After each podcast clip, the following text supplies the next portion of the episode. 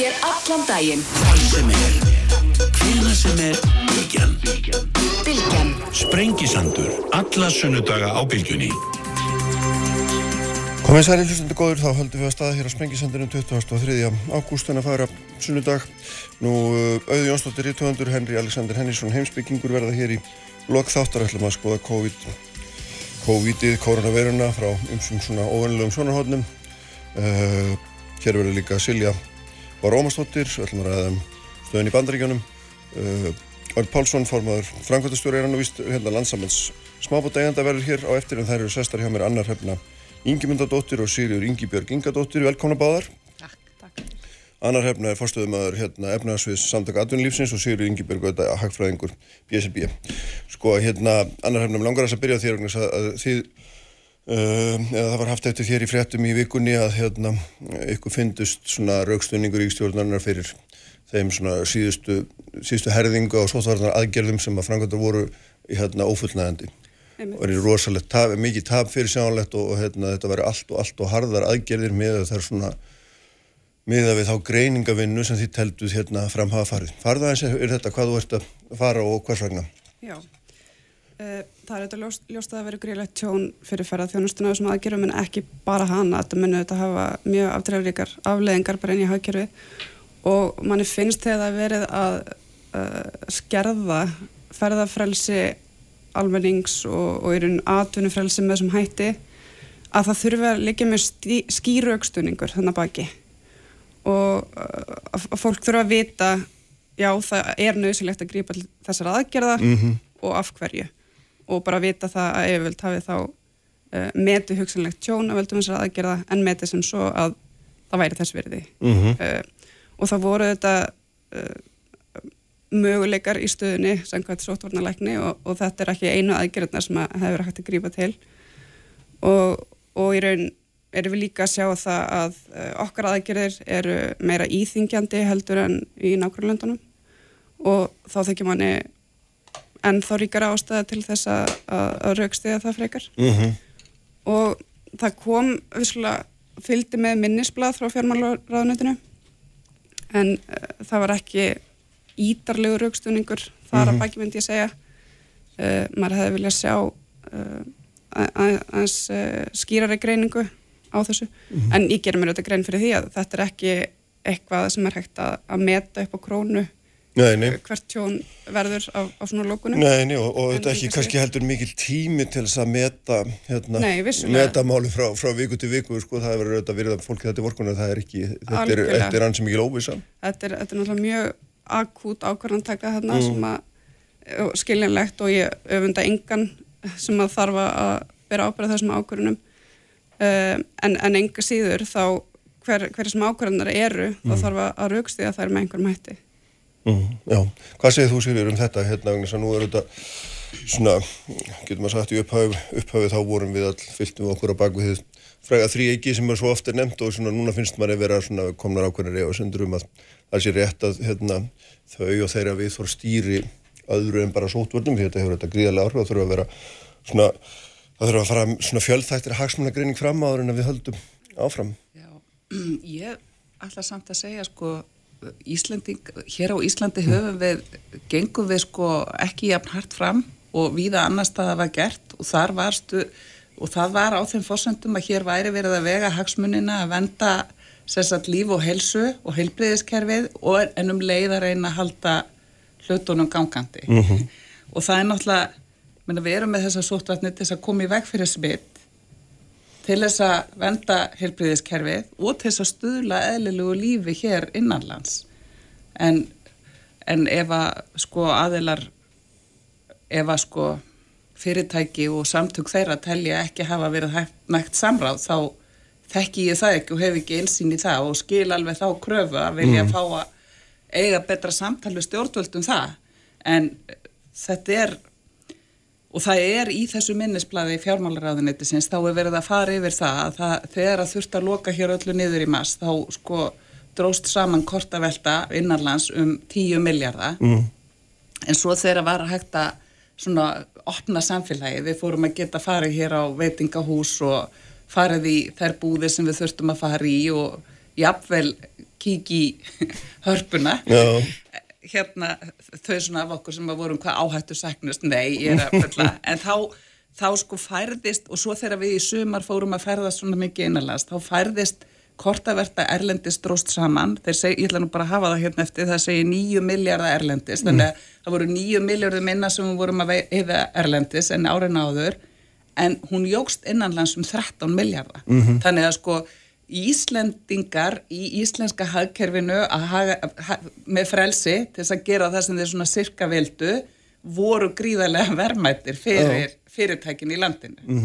Og þannig að sko eins og þið segið, ég menna þetta er óvissu ástand, þetta er áhættumat og það er svona aðeinar að fikra sig áfram. Ég hef ekki, ég er ekki til þess bæra að meta hvað sé rétt og hvað sé ránt í þessu en, en ég held líka pyrringurinn núna stafar auðvitað því að þetta ástandi færði að býta á okkur. Það er þetta, sko, Líka þeirri staðarind að hérna, þetta hausti sem átt að verða svona, það er vel búið haust en það er lýslega ekki málið. Já og fyrirtæki eru að sjá fram á að geta ekki kannski lifað þetta af, fólk er að fara, er búið að, er orðið atvinnulaust sem er gríðalegt fjárhagslegt og félagslegt áfall og svo er fólk líka að horfa fram á það að börnið þeirra get ekki byrjað í skólanum eðlilega, það er hægt að geta heimsótt mömmu og hjúkurnarheimilega því að nú hefur komið upp smitt þar, en þetta hefur áhrif og fólk fer að hafa, sko það er þá,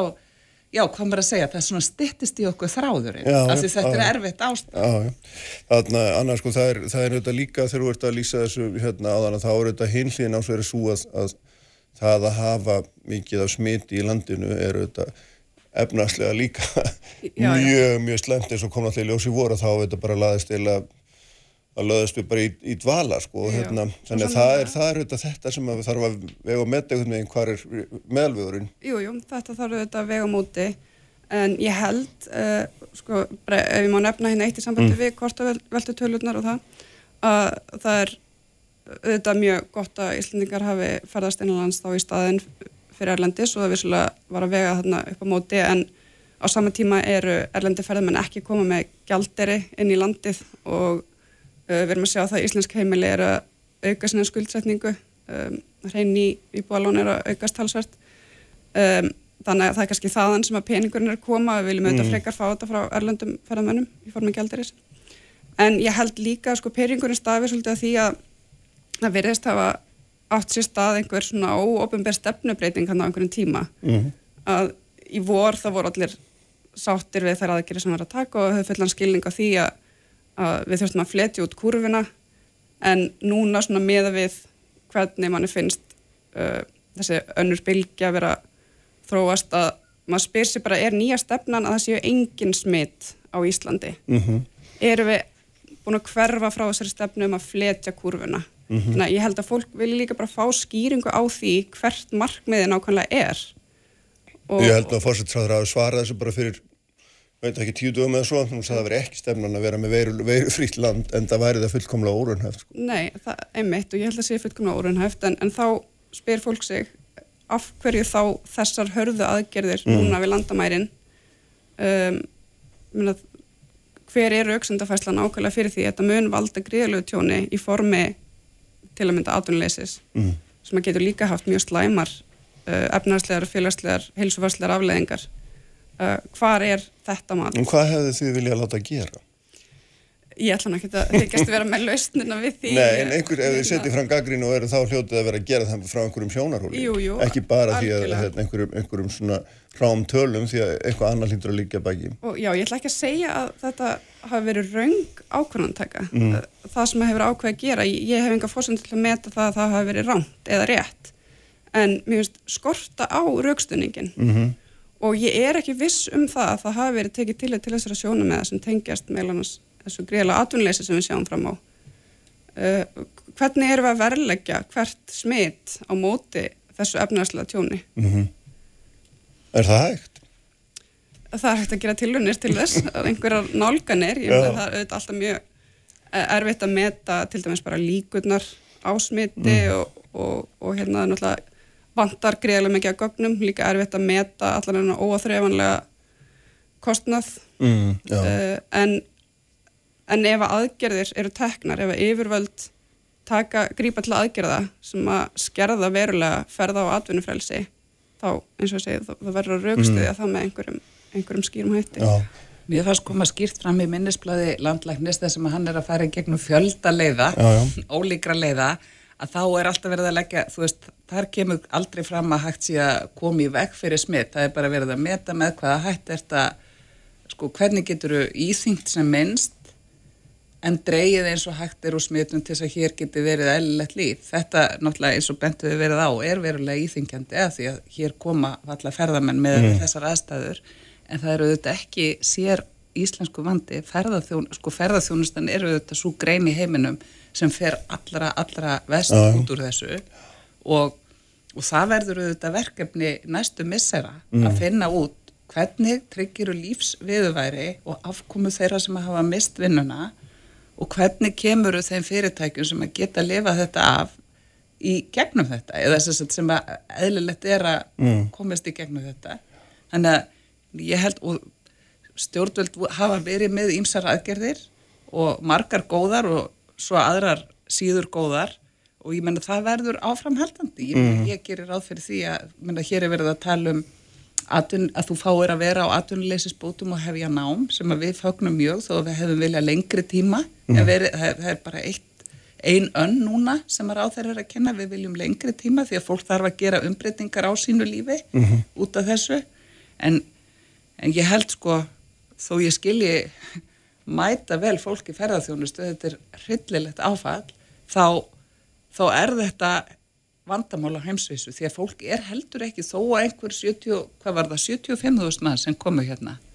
Þá er almennt ferða vilji fólks ekki mikil. Ég held að mjög margir Íslendingar þó þeir sjá alveg fyrir sig bláan sjó og hvítan sand eða, eða einhverja skemmtilega stórborg þá finnst þeim fínt að fara þá kannski bara frekar á Akureyri að því að þú vilt vera í nálaði að heilbriðiskerfi sem að þú, þú tilherir og þú vilt, já þetta er bara og það er ekki spennandi að vera að ferðast á þessum tíma, það er áhætta og það er skrítið ástand. Þannig að, þannig að þetta er ekki, er ekki þetta er ekki sér íslensk náttúrulega vandamáli svo allir vita. En það er svona líka sko, að því að það er sko, svo polariserum við umræðina svo mikið eins og þetta sé svona val á milli lífs annars vegar og lífsviður væris hins vegar en þetta þarf auðvitað að vera einhver, einhver svona millivögur sem þarf að, þarf að finna. Og þarna og, og svona það er sko áhugavert líka velta fyrir menna tjóni er orðið og, og hérna alveg saman hvað, maður, hvað manni finnst um það hvers, hvers vegna, hvort ákvarðanir voru rángar eða réttar en þá er líka spurningum hvernig við bregðumst við tjónunum, ekki satt? Jú, og, og hversu, að hversu miklu leiti við getum þá haft áhrif á, uh, ég held að sé alveg rétt, mest stærstur hluti tjónsins er að völdum uh, þeirra aðgerða sem hefur verið að grípa til í okkar viðskiptalöndum og þróun veirunar þar. Og við höfum auðvitað enga stjórn á þessu uh, en við, við stjórnum okkar aðgerðum. Og þetta er ekki, auðvitað er fókusin á ferðarþjónustuna því að eins og segir tjónið er langt mest þar. En þetta er ekki bara ferðarþjónustan fyrir utan öll þau afleitu áhrif sem hún hefur í, í haggjörnu þá stýrst þetta líka bara um ferðarlög vegna viðskipta uh, viðskiptasambanda ferðarlög Íslendinga uh, þannig að þetta er, þetta er ekki bara ferðarþjónustan sem við erum að, að, að horfa á mm -hmm. en sko við sjáum það líka önnur bylgja ég veit ekki hvað faraldusfræðin kalla svona því ég er ekki alveg fullt með það í veiru fræðum en. En við en önnur bylgjan er já. sko, ég menna bandaríkin og Bretland hafa bara verið þar hefur veiran geisað og þeir hafa haft mjög erfitt með að ná tökum á henni en í, öðrum, í Evrópuríkjum þá er önnur bylgja að rýsa og þessi ríki eins og Danmörk og Þískaland sem að við töldum sko lág áhættu þannig að þar er veiran í sók þannig að og það er verið að ráleika Íslendingum að fara ekki erlendis nema nöðsinn krefji. Og það er verið að setja Ísland á rauðan lista hjá einhverju ríkjum verðandi það að við séum með meiri áhættu en í mis önnur ríki. Þannig að þetta, þetta, við erum bara íhald í tímabili þar sem að við næstu misserinn þá munu skiptast á slakandi og he- sko, þá er slakað og hert, slakað og hert eftir því hvernig aðstæður eru hverju sinni. En við sjáum það líka og manni, En það er náttúrulega annars alveg útilokað að reka nokkuð skapaðan hlut hvað sem það heitir undir slíkum kringumstæðum. já, en við sjáum það líka sko, ef við hugsum, Af Því að eitt af þessu sem veldum mestum skada er náttúrulega bara óvisa. já, Og þetta er að, í þessu kerfi sem þú ert að lýsa þá er það náttúrulega bara algjör. Já, en ég meina þetta er ekki kerfi sem að ég er eitthvað að fabulera, ég meina þetta er bara það sem að ekki- þetta bæði nei, heilbriðismálastofnun og sóttarna yfirvöld er að ræða. Þannig að hans alþjóða heilbriðistofnunin, framkantastjórun þar, hann segir, ég meina þetta er, við skulum búast í næstu tveimur árum Mhm. og nú hefur náttúrulega verið að setja gríðalegt fjármagn í að þróa bóluefni og við verðum að vona að það, ef það verður flókið að Mhm. nýta það, ef það kemur að nýta það þannig að það nýtist öllum en ég meina þetta eru mjög flókin verkefni sem við eigum framöndan Já. og, og þá, er, þá eru skýr skilabóð og, og svona samtal gríðarlega mikilvæga því að Já. það er svo mikið í húfi En hvað hva, hva segja sko hérna atvinnureikundur og samtök atvinnulífsins um framaldið í, í þessum skilningi? Ég meina ríkisjóður, það er alltaf verið að tala um að ríkisjóður sé í aðhlutverki og öllum vilist að vera það ljóst að það er eina leiðin er að hann skuldsetti sig bara út í þetta óendanlega einhvern veginn hérna, og dæli peningum inn í meina það verist vera eina hugmyndin sem að svona, allir eru sammálum. já, ég held að sé það, það ríkir ákveðin sátt um það að já, það verður hallarekstur framundan og aukinn skuldsetning sem betur fyrir voru nú komin í ágæts aðstu til þess að, að, að en við þurfum samt að hafa í huga meina, e- ef að það eru viðbröðin þá er við rauninni bara að fresta vandamálinu, við erum að fá ákveðin lífskeiði þá að láni úr framtíðinni. Mhm. þannig að við þurfum að fara mjög varlega hvað það varðar, við þurfum að réttlæta útgjöldin samt sem aður að það má ekki hugsa eins og já, maður er þá bara að, að auka útgjöld allstaðar, við þurfum bara að gera það því að það er kórnuveira, tökum bara lán fyrir því. Mm við munum þurfa að En borga það er það sem verið er að gera. En það er Já, bara, já, það, hinn ofnbæra stefna er bara svo. Já, Styrkja þurfum- heilbríðiskerfi, mentakerfi, auka framkvæmdir, hérna, ég meina þú veist, þetta er En bara við- allstaðar. Við þurfum að vanda vali vel. Uh, það, er, það hefur orðið gríðarlegt tjón og við breytum því ekki. Við getum reynd að milda áhrifin með því að skuldsetja okkur uh, og taka verðmættasköpun framtírinnar þannig að láni. Uh, en en uh, það þarf samt sem að vera skýri ætlætning fyrir því að, að þau útgjöld sem við erum þá að leggjast í í dag skilir sér í einhverjum ábata í framtíðinni. Já, það er alltaf snýst allt um það hvort að fjárfestingarnar séu góðar eða slæmar í þeim skilningi, en mér hefur vist svona, svona, að, kannski allavega svona freka nýtt að að nú sé í lagi að ríksjóður hérna, skuldsetja sér mjög mikið og sælabakki prenti penninga og halda okkur gangandi, þetta var nú, nú ekki þótt góð hagfræði fyrir örfáum árum síðan. Nei, Þá voru allir á því að hérna, ríksjóður yrði að vera með afgangi og en nú er bara þetta allt komið á, á kvolv og ég meina, ertu ósamála þessum? Ég held að skipti máli, það er eitt sjónum með þetta að milda hagsveiflur sem að getur skila ábata inn í framtíðina, að vera ekki að, hérna, að sé ekki of mikil röskun á öllum framlýslu þáttum og svo framvegis.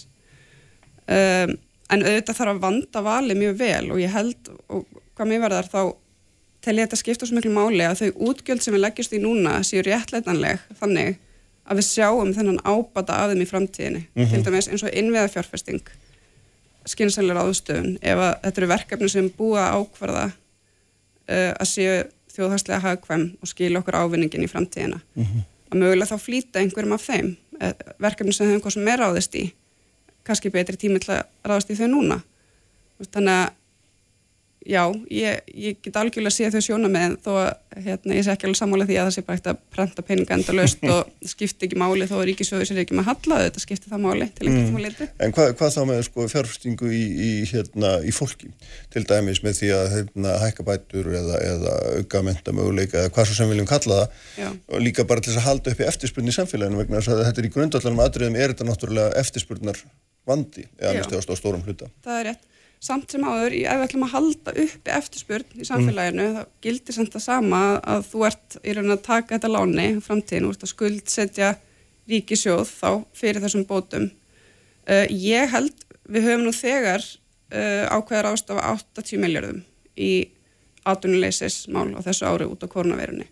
Venjulega er þessi tala 20-25 miljardar, Mm. hefum getað áætla það. Þannig að nú, það er nú þegar búið að setja 10 miljardar bæði vegna aukins almenns atvinnuleysis en líka hlutabótaleið.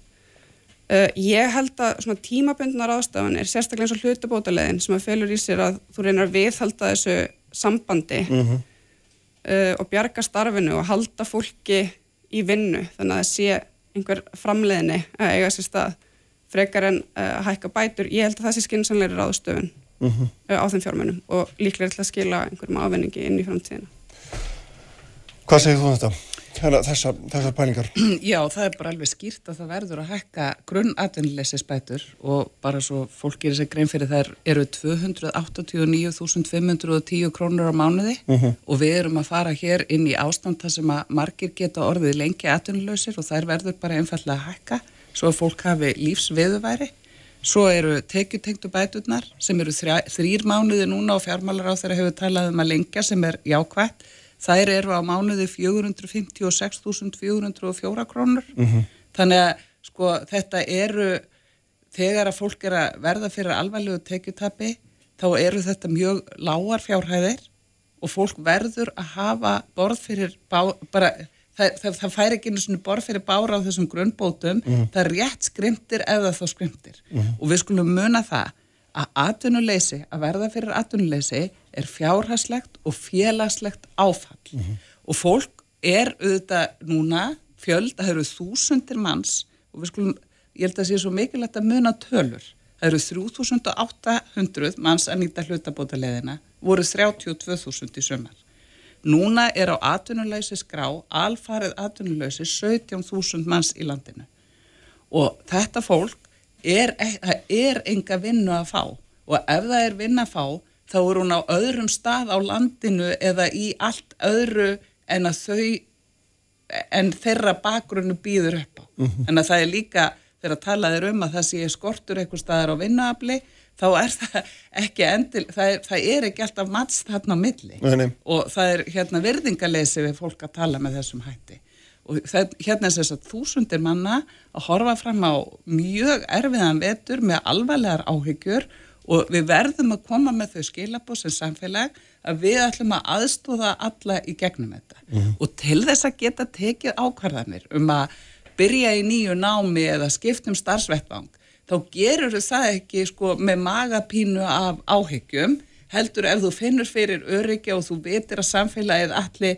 að veita þér stöðningi gegnum það. Þá mhm. ertu líkleri til þess að vilja taka áhættu eða fara út í breytingar sem síðan koma okkur öllum til góða. Mm -hmm. En það er gríðarlega mikilvægt að hækka atvinnuleysisbætur og ég tek undir með fjármálar á þeirra þá líka að leikja mm -hmm. tekjutengta tímabili. Mm -hmm. Og eðlilega eru útgjöldin svona mikil mhm. því að hér er, hérna hefur orðið 8%, verður 8% en er, er engin efri mörg á þessu að þínum að hérna, hvað hva, hva við eigum að gera með sko, ríkisjóð uh, er engin efri mörg á því hvernig við eigum hvað við eigum að leggja í öll þessi félagslegu kerfingum sem við viljum bæta þau öllu höfum þetta verið með kröfum það undanföldnum árum að það væri mikill uppsefnaði fjárfstingavandi þar og nú þurfum við eitthvað með hefum engan peninga allir að, að vaði það og hérna, er, er engin efri mörg á þessu? Það er svo langt frá því frá að við séum þáka komin og við skulum hafa það í huga mm. að því að Íslendingar hafa farið í aðgerðir sem að hafa verið eins mildar og mögul, eða það hefur ekki verið svona fullkom, við hefum ekki verið lokuð inni hjá okkur eins og margar, mörg ríki gerðu mánuðum saman mm.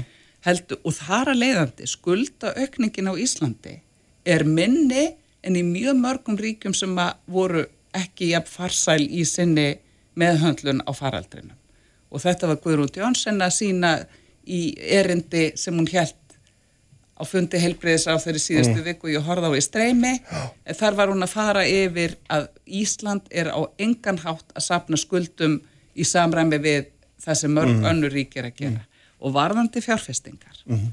þá skulum við munna það að ef við, ef okkur ber gæfa til að fara í fjárfestingar sem eru arbærar sem að komi í veg fyrir tjón af lofslagsbreytingum síðar meir, aðlugunar aðgerðir ímsar sem verða mjög, kost, mjög kostnæðasamt að mhm. takast á við tjónið af lofslagsbreytingum ef við náum að fara í aðgerðir sem að draga úr því tjóni núna, ef við náum að fara í fjárfestingar sem að stöla nýsköpun í ímsum mhm. atvinnugreinum, ef við eflum mentakerfið til þess að auka hér mentunastig þjóðarinnar og velsælt og ef við eflum heilbriðiskerfið þá eru við að stöðla vexti til lengri tíma og þá getum við vaksið út úr þessari mm -hmm. efnahagskreppu.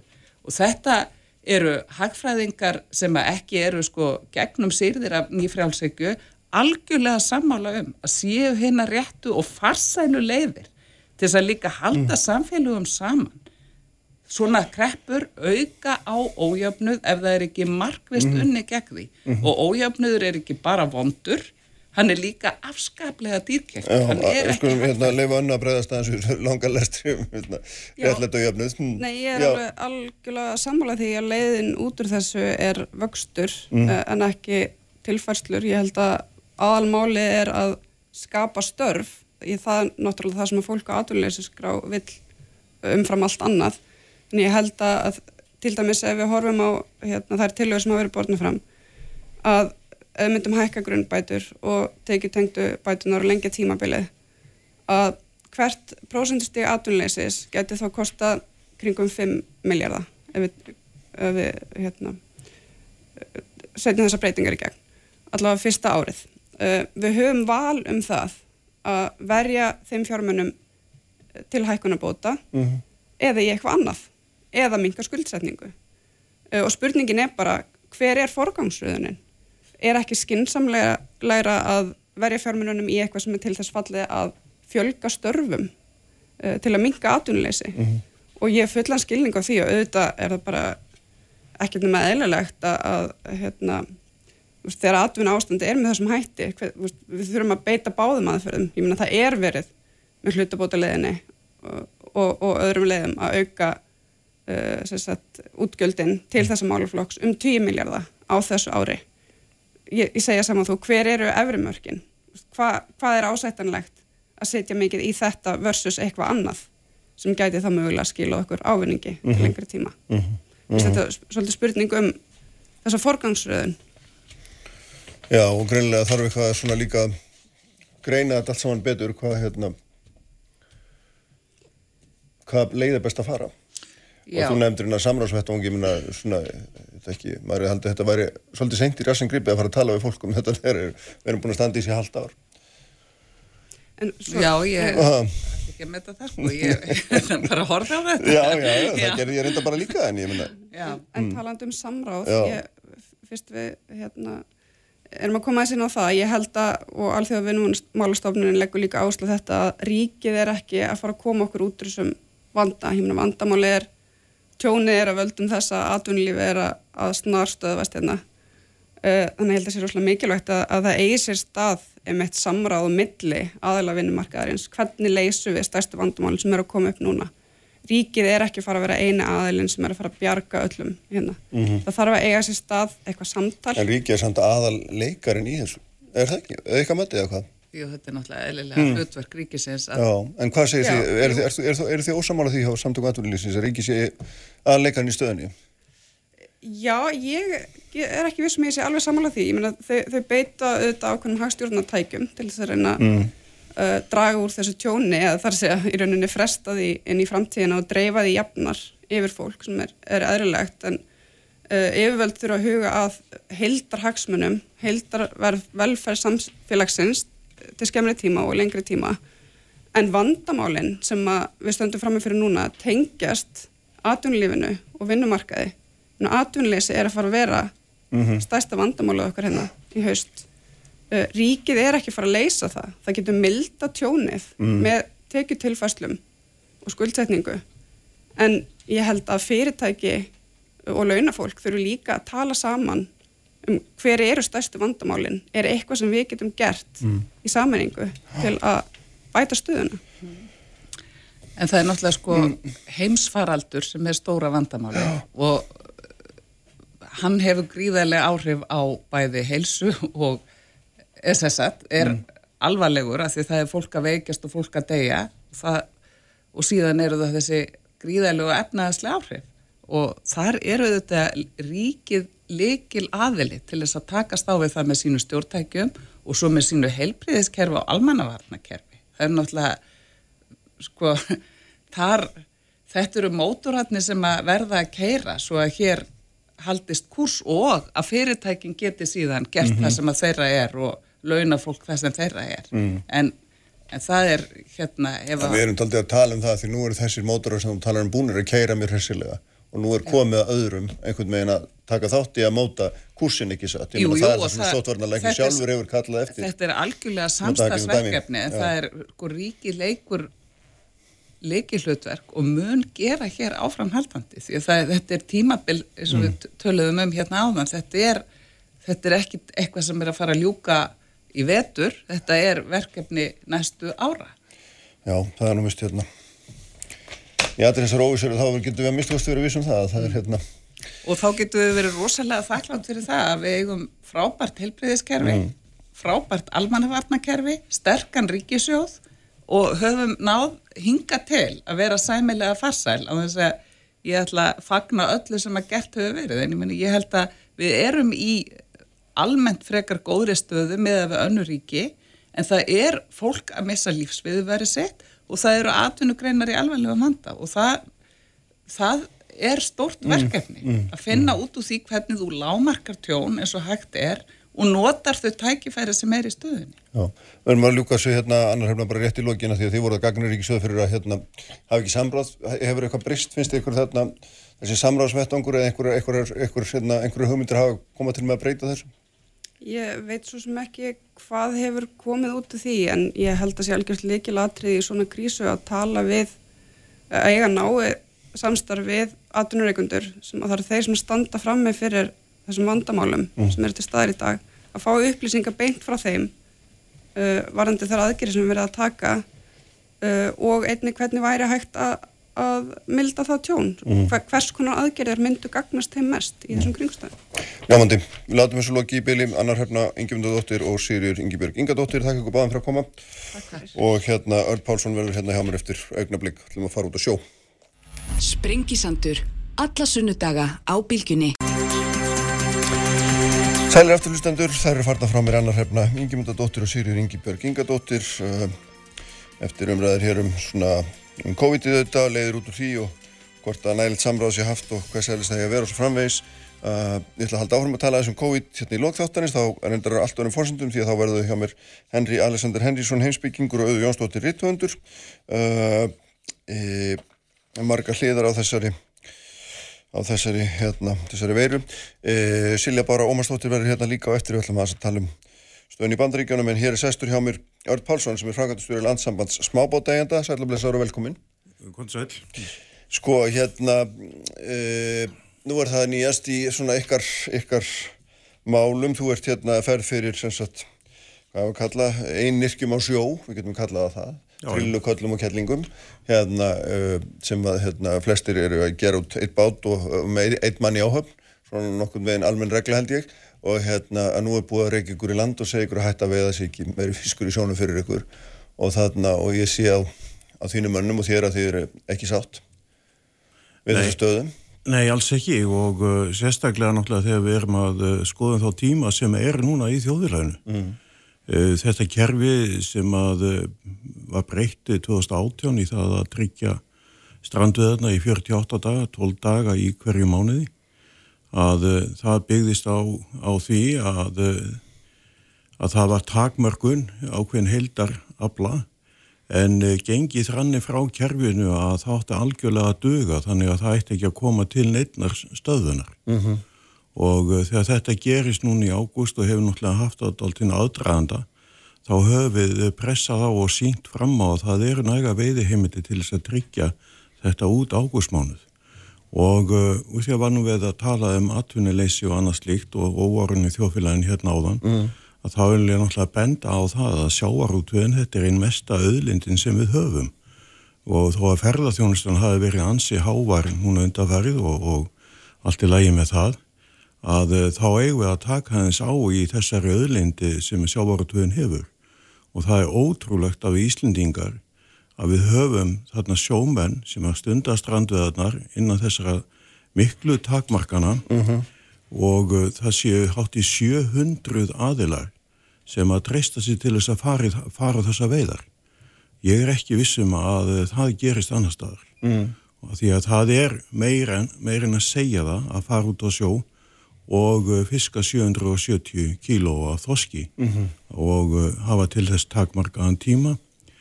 Og ég uh, vil meina það að nú eigum við að hygglust að spýta hans í í samband við þoskablan og heimila strandveða núna eitthvað fram eftir husti og uh, ebla þar að leiðandi atvinnuna heldur en að henda þessum aðilum í land átti 700 eins og þessi og það er enga atvinnu að fá og uh, síðan er það, það mikill kostur og margir kostir við strandveðarnar til dæmis að það er allt veitt á handfæri þannig að það er umhverfisvænt veiðafæri fiskurinn hefur val um það hvort hann býtur eða býtur ekki.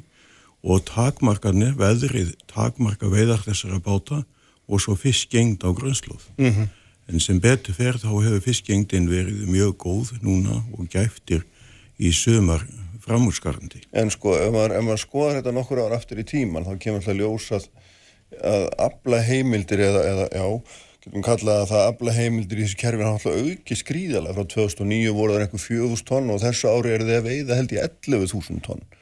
Þannig að það er nú mjög mikill munur og, og, hérna, og, og maður sér ekki, ég sér ekki hvort að hérna, hvort að sko bátunum hefur fjölgað ekki, ekki með tölur yfir það, en mér sýnist nú ekki það allavega að vera neitt umtalsvört að minnst fækkað en verulega á tímabili. Þannig að hérna, það er að koma meira í hlut hvers og eins og áttum ekki alveg hva, yfir hverju eru þið raun og vera kvarta sko, eru það kvart yfir því að það hefði ekki næga afla hlutdeldi, eru og margir að veiða hva, hver, hver er hvert er umkvartunaröfni?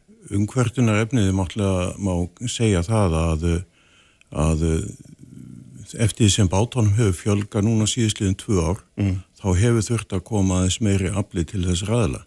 Menn er farin að læra aðeins betur inn á þetta, það er orðnir svona kannski hævari sjómenn sem eru núna, þetta er svona massívari hópur sem eru stundaveðarnar og hefur bara einfallega náð betri árangri.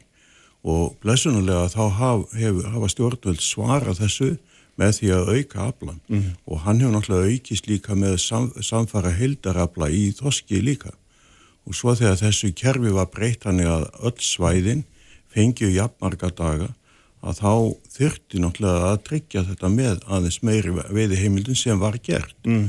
og uppsinn hann á ekki að teljin í hildaraflan hjá okkur og ef að e, skerðing hefði að breyting á reglugjert hefði ekki átt sér stað núna í upphafið þessa tímabils mm. þá hefðu stranduðina við tryggar alveg út ágúst. En þetta er semst þannig á, á, á þessu árabili, tíu árum rúmum, þá hefur aflinn meirinn tvefaldast og hérna kerfið er opið, þannig að það getur hver sem er farið út, hann borgar bara á hverju gjaldíksat og, hérna, og þá getur hann bara kæft sér báti eða leikt hann eða hvað hann vill og, hérna, og róið. Og, og veitt það sem að hérna, hann getur komið með að landi og þetta hefur þá haft það með í farmið sér að hérna að, að það er fullt af fólki farið að stað og, og svo bara standum við upp með það að það er ekki næra aflaheimildir til þess að halda allir þessu fólki og ég veist, menn, menn vita hvað er í bóði upphauði og menn vita alveg að það er ekki pláss fyrir endalösa hérna, endalösan hóp af, af mönnum hann úti, það er bara það sem er og það er ekki, eigum e, við þá bara alltaf að er það þá bara svarið að auka bara alltaf heimildirnar eftir því sem koma fleiri Já, ég tel, þetta, ég tel að þetta sé einn og besta beigðastefna sem hægt er að hugsa sér mm -hmm. að það er að ebla strandveðanar.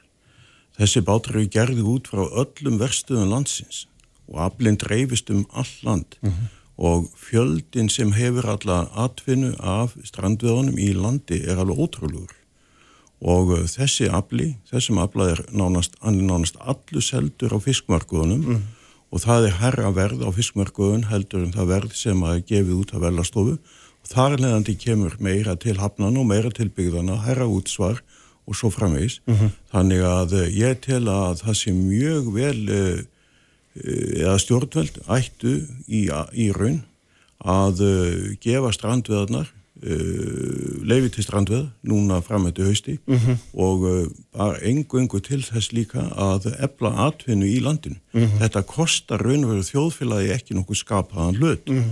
Veiði heimildina er alveg fyrir hendi. Við ákvaðum þá til dæmis að það var ákveði núna á miðju sumri að heimila meiri flutning á milli fiskvið ára. Þannig að við höfum ekki náða að fiska Eh, er heimildi sem voru í bóði á þessu fiskvið ári, það verður aðeins eftir. Mm. og ennfremur uh, En nú er, það svo að segja þetta, þetta er óheimild er það ekki samkvæmt lögum að flytja hérna aflaheimildur á milli ára? eh, Það er að minnst úrstað sem sjá þetta á þennan segir Já og sjálfsögðu hefði hann þá átt að, að einhenda sig í það í vor að breyta lögunum mm -hmm. þannig að verða eftir að færa þessar heimildir á milli mm -hmm. og við munum óskætti því núna strax og þingi kemur saman 27. ágúst að lögunum verði breytt þannig að það sé hægt að færa þessi heimildir á milli ára. En nú er þetta þannig þó að því séu ekki að fiska náttúrulega í, í neinu umfangi miða við stórútgerðina, það er, það er auðvitað augljóst mál en það er samt, þetta er umtalsverður afli, enga síður og hérna og við getum sagt að fiskurinn í sjónum er takmörkuðu lind, ég held að það sé nú alveg augljóst mál og hérna og skiptir miklu fyrir okkur að fá sem best verð fyrir hann hverju sinni og, og þarna bæði fyrir þá sem að vinna við það en ekki síður bara fyrir samfélagi hilsinni og, og svona, maður veldi í fyrir sér þú sagðir áðan að það verður konni betri sjómuniti og þegar maður les svona gögnum þetta aftur í tíman þá kemur í ljósa fyrstlega strandverður stundar hérna á sumrin þegar að, að heitast er. Aflir ekki kældu nægilega vel. Hann er ekki verðmættur á þeim sögma því að það er ekki hugsa nógu vel um hann. Og þegar maður fyrir að skoða þetta þá er svona þannig er einhver rauk sem vega það á móti. Því við erum ekki að ná að háma snýtingu út úr þeim afla sem við erum að koma með landi með þessar aðferð. Hvernig svarar þessu? Eh, í upphæðu þegar stranduðarna fór á stað að uh, þá eins og það var náttúrulega mjög margi sem að fór strax uh, í stranduðarna og 2012 bara þreymur árum eftir að byrja að veðar mm. þá voru þetta um 750 aðla sem að fóra veðar og við fengum á okkur gaggríni fyrir það að ganga ekki nægilega vel um þá tókum við okkur bara einfallega á og mm. hver og einn hann passaði upp á hvern annan menn passuði upp á hvern annan og ég get sagt það og fullir það að síðastlinni þrjú ár þá hefur aflinn og umgengnum aflan verið algjörlega til fyrirmyndar mm -hmm. algjörlega. Mm -hmm. Það fer ekki nokkur bátur á sjóöru sem er ís og aflinn er kældur. Við var til dæmis á höfninni á húsæðeg núna fyrir svona tveim vikum mm -hmm. og þar voru menna landa alveg í laungum röðum. Allt saman ísað og flott, fiskistofa að mæla og, aflinn, og hérna hýtast í að fisknum um, um 0 gráður mm. og þessi afli væri heldur ekki að seljast á svona háum verðum á fiskmarkaðunum mm -hmm. ef það væri ekki eitthvað varð í hann mm. og þetta er yfir sömar, þá er þetta svo nöðsynlegt vegna þess að þarna koma 10.000 tonna þoski að landi -hmm. e, yfir sömar þá eru yfirlega stærri skip eða margir báta, bátamannum og líkum, þeir taka sér frí og þannig að þetta er svo nöðsynlega viðbútt -hmm. og þetta er núna frá eh, mæi eða á tíumbili stranduðana þá hefur 60% öllum óslaðan þoski það er að þosku sem veitur að handverðum og það er þessi litlu fyrirtæki sem er okkur nöðsynleg sem er að kaupa þennan afla mm. og flytja hann kannski sér að það markaði og annað slíkt mm -hmm. og þannig að eh, það er orðin þarna til eining sem hægt er að vinna alveg gríðarlega vel með og fá alveg mjög háverð elendis mm, mm. og uh, þetta er skjaldirskapandi og skila sér við beint og, og það er náttúrulega það sem er nöðsynlegt líka fyrir okkur á þessum tímum. Já, þannig að þú hafnar því algjörlega hérna, það sé verið að sólunda vermaðið með þessum. Algjörlega, algjörlega. Þa, mm. Það er ekki nokkuð til í því núna eins og, eins og staðan í dag. Mm -hmm. Nú, nú hérna, þarf maður ekki að lesa sér langt í gegnum hérna, ymsar greinar eftir því meðal annars hérna, aftur í tíman til þess að sjá að þið eru, hérna, þið eru eins og grái kettir hérna, Guðand og Glugga Sjáurðsvondinu hafi verið það í mörg ára og einhvern veginn að reyna tala svolítið fyrir hvaða döfu meirum er það ekki um það hérna, um kosti þessa kervis kosti þessa stækkað og, og sérstaklega kannski líka það sem við höfum verið að tala svolítið um sem eru þetta svona atvinn og byggðasjónamiðin sem þessu tengjast Já, drópin hola nú alltaf steinin í, í þessum málum mm. og, og það hefur alveg sínt sig og, og það stendur svo sem ekki á byggðalögunum að, að veita okkur stuðningum að senda frá sig áskorinu og annað slíkt e, til ráðherra og aldingismanna og ég held að málflutningu okkar hafi komist það vel til skila að það er allir aldingismenn meðvitaður um hversu mikilvæga stranduðarna eru mm -hmm. og uh, þannig að uh, ég tel það að uh, að uh, það muni eitt, eitt og sér fær okkur uh, meiri réttindi og svo má heldur ekki gleyma því að tilur stranduðana að hún er til dæmis tilkomin út af áliti mannréttindanemnda saminuðu þjóðana um það að það væri óheimilt að bannamönnum að bannamönnum að stunda aðtunni sína öðru sem þeir þittu að að greiða fyrir það til annar sem að stunduðu þessa, þessa grein mm -hmm. og stranduðarna eru þannig að það er útlutt á ákveðnum afla til stranduðarna og síðan e, eiga menn báta og menn kaupa sér leifið mm -hmm. og uh, þannig að það er verið að uh, þetta er líka grundvöld við að halda stjórnum fiskviða þessu kvót, kvótakerfinu halda frið um það mm -hmm. og ég vil alveg meina það að það er til dæmis ekkert smáraðis Eh, sem hefur það hefur komið þegar stranduðina komu að þessi óeiningum að geta ekki farið á sjó er svona að kaupa sér kvóta af einhverju næsta manni.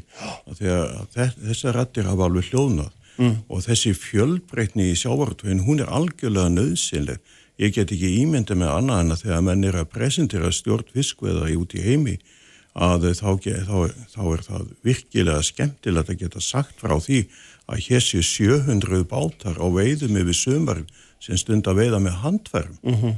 og, og það er 90% af þeim afla þoskur. Uh -huh. Þannig að þetta er svo mikilvægt í þessari flóru sjávartusins að hafa strandveðarnar. Uh -huh. Nú síðan viljum við hjá landsambandinu að við viljum auka afla dagróður á báta og það viljum við til dæmis gera gegnum byggðakvota sem að hafa sem eru líka ein einingin inn í þessum hóp. Já, þetta er svona, þetta er svona eh, kerfið með svona mörgum heitum, ég held maður svona, maður tapar svolítið fókus í þessu.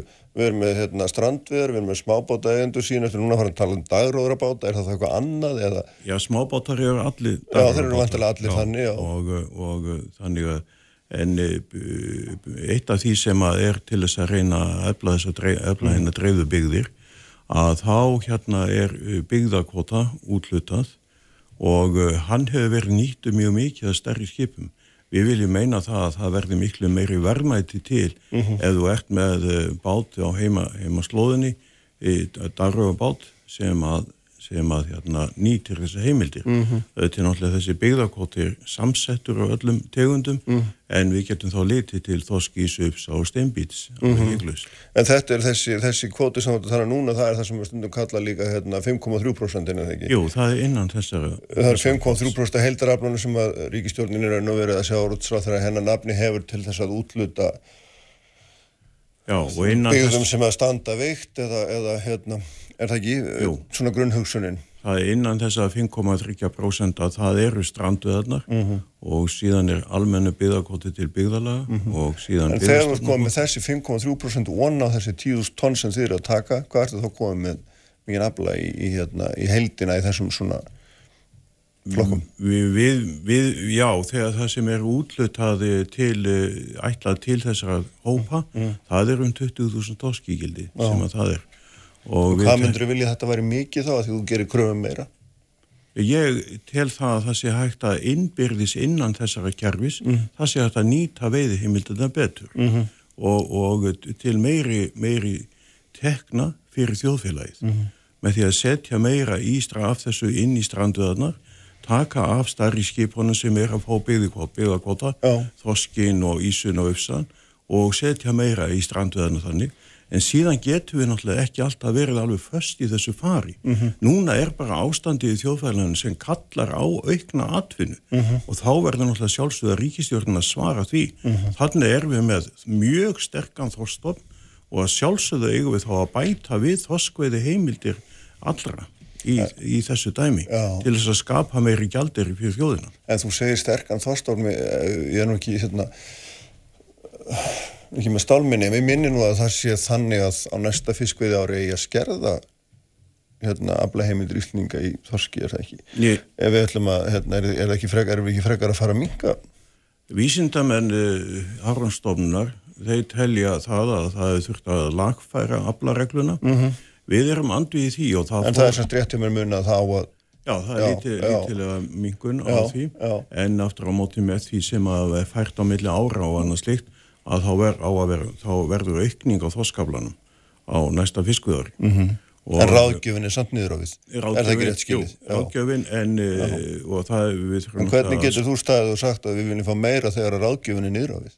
Það, ég get það vegna Já. þess að e, ég tek uh, sjómennina mm -hmm. sem að starfa allan áksins ring á miðunum og ég skoða þeirra skoðanir og spyr þá mm -hmm. alveg reglulega og ég er sannfærðu um það mm. að það myndi ekkert koma við þorstofnin þó að við myndum auka aflan upp í 300.000 tónn mm. og stjórnmálamenn eiga ekki að hýka við að gera það í þessu ástandi sem er í dag. Mm. Já, bæði þá út af, af því að stofnin þólir en sérstaklega svo ert að nefna þessum byggða og hérna atvinnu, atvinnu sjónum við. Sko þegar þið eruð að hérna komið með ykkar rauk inn í ráðunitur og svo framvegis og eruð að funda með mönnum og svona þá veldi maður þetta fyrir sér að því að þú hérna, færir hér fram ágætis rauk og, og, og svona einhver, einhver færir fram rauk einhver starf annar staðar og er, er þetta mjög ójæft slagur millir ykkar og til dæmis stærri útgerða þegar það kemur að, að því hver fari að veiða hversu marga fiska. Ég held nú að stærri útgerðin sé nú mjög jákvæða nú orðið mm. út í strandveðarnar og uh, viti það hversu mikilvæga þær eru bara fyrir kerfið í heild. Uh, við þurfum líka einan landsamhansins að gæta hagsmuna þeirra sem eru á kvóta líka að, að það sé ekki af þeim tekið heldur sko. En uh, varðandi mismun eða hvernig leikurinn er ójafn að þá hefur það verið núna undanfærin ár að þá hafa veiðihimildin að vera að þjafpast á færri, mm. á færri hendur mm -hmm. og þetta er eitt mótvægi við því, það er til dæmis eins og inn í okkar hópi aðili sem vil bæta við sig veiðihimildinu þoski og, og kaupa, kaupa kvota, þá á hann ekki möguleika, gagva stórútgerfinni í, í samkeppni um það að kaupa kvotan, Nei. ekki möguleika, mm -hmm. bæði lánakjör og, og allt aðgengi að þessu málum er þannig -hmm. Þannig að menn eru fastir inn í, já, í þessari er, svona ofinberru heildar útlutun. Já, já, en það, það er náttúrulega að talað um það núna að skoða, skoða hvert að það ætti að færa þakki nýður en mm. annars líkt og, og menn hafa talað um það en, en uh, við sjáum nú hvað alltingi gerir í þeim málum. Já, hvað, hvað er hérna, svo við farum að ljúka þessu, hvað er svona næst því að nú er hérna auðlust að sjáurútsráður hann hérna þertók fyrir allar hugmyndir ykkur um að, að, að hérna að þið fengjum meiri afla, hann hefur ekki meiri úr að spila, segir hann, og, hérna, og þar leðandi getur hann ekki bóðið ykkur upp á að veiða meira kvarki í þessum mánuðinni næsta. Já, ég meina, mér, mér fannst það bara svona nokkuð augljóst. Já, hann hefur nú svarað þessu þannig að það finnist ekki meiri afli innan þessara 5,3% mm.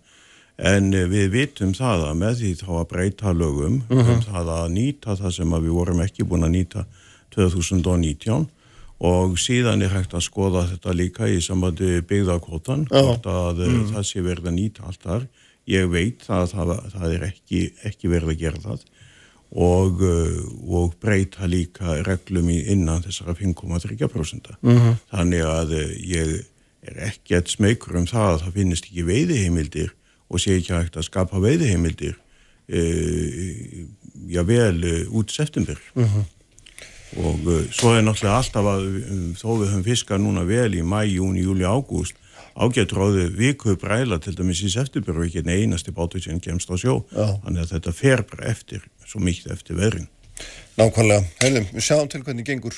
Takk fyrir að koma. Takk fyrir að heyra frá þessu öllu saman og hérna Silja Bara Ómarsdóttir verður hérna hjá mér eftir augnablík Sprengisandur á bylgjunni. Uppspretta frétta á Sprengisandi á bylgjunni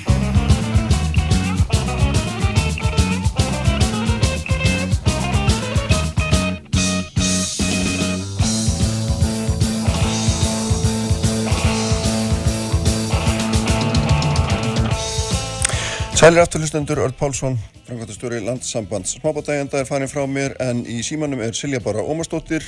Sælir blessu Silja. Já, góðan dag. Góðan daginn, þú ert norður í Hrísei eh, eftir því sem ég, ég hérna, heyri réttast. Já. Og við erum ekki vel á því þar eða hvað? Jú, jú, jú, svolítið er bara að hérna, brjótast fram úr skíðunum og þetta bara verður hann að býða þetta dagur eins og alltaf í enni. Já, auðvitað. Mm. Heyrðu, hérna, mér langaði aðeins að taka húsaður, hérna, svona því nú er, nú er, hérna, nú er Joe Biden steg endanlega fram hann í, í, í aðranda þingkostningan í bandaríkjunum og, og hérna, aldrei þessu vant þá held hann frábæra ræðu og hann tafsaði ekki og rugglaðist ekki og er segja var ræðan svo góð að, hérna, að Fox, jú, sem hefur nú verið stöð Trumps, laug miklu lofsorði á hana og svona yeah. þannig að ég veit ekki svona, sko fyrir fjórum árum þá vannmáta allir Trump og manni sínist nú svona svo tilneying vera ansi ríkjandi núna, en er þetta hvernig metur stöðuna, er þetta búið eða hvað heldur þú?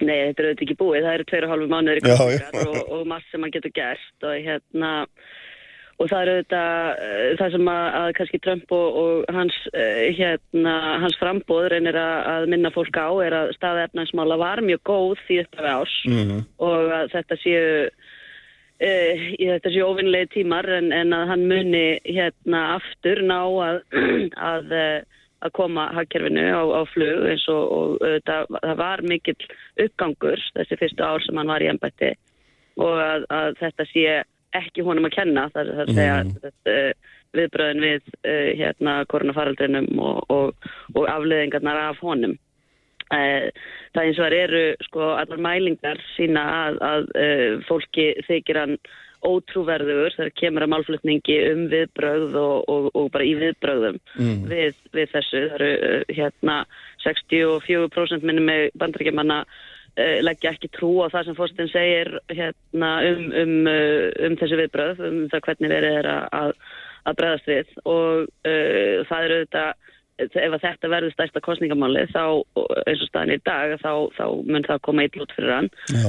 eins og er ef uh, það er náttúrulega er að berast fréttir núna jákvæðar um, um möguleg uh, bólefni og, og ef að það er eitthvað sem fólk er farið að trúa á þegar það kemur nærkostningum þá kannski hefur það áhrif eins og er Eh, staða efnahagsmála oftast það sem að, að segja til um, um útkoma kostningarna og mm. þessi síðustu mánuður hafa verið alveg óbúslega erfið í bandaríkunum já, já. og mun uh, mjög líklega hafa áhrif á það hvernig fólk kýr mm.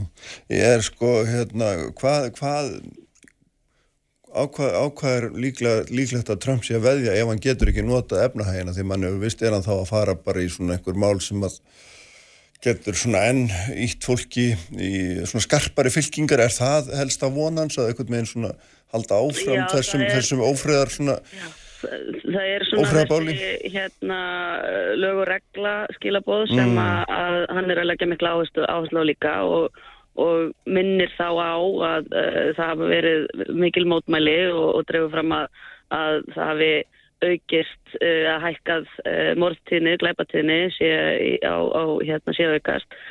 Og uh, að, að hann sé maðurinn sem getur bröðist við því. Um, vandin núna með að við fyrir fjórum árum er auðvitað að hann er fórseti og hann, það, er, það er hérna mynd á að, að eða þess að demokratin geta mynd á að, að það sé undir hans stjórn sem að þetta hafi verið að gerast. Mm -hmm.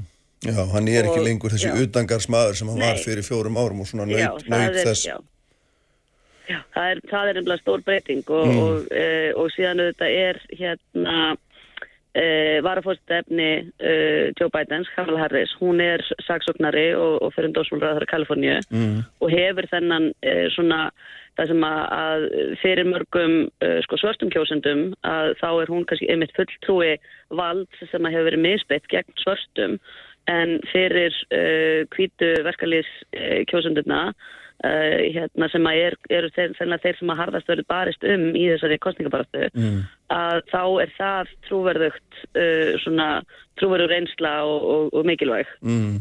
Þannig ertu konin á mjög áhugaverðan flöt hérna, undafarnar kostningar held ég maður alltaf veðja og það væri svona hérna, kjósundur af hvað maður segja hérna frá Rómunsku Ameríku eða, eða svartir kjósnum sem að væru aðalmáli en ert að segja að það séu kvítir kvítir kjósundu, verkefliskjósundu sem að skipti kannski mestum Já, eins og þú varst að segja sko að það, þá er eh, hérna þá er svo mjög klopningur þessi skautun sem eru svo ábrendi bandarsku samfélagi mm.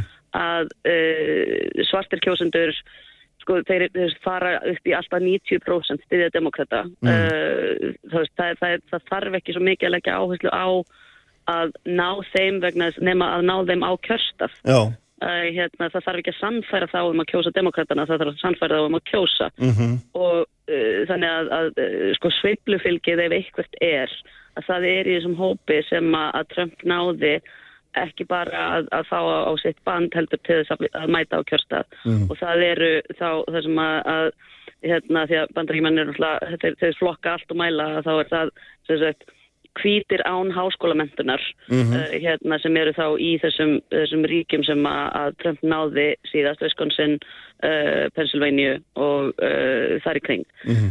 hérna, það er hópurinn sem að þau bæði frambóðin munu sækjast eftir að ná á sitt band. Mm.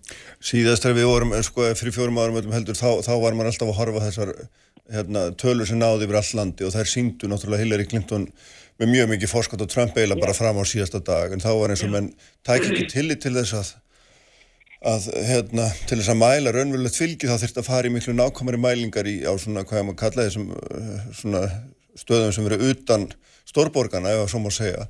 Og þarna, yeah, yeah.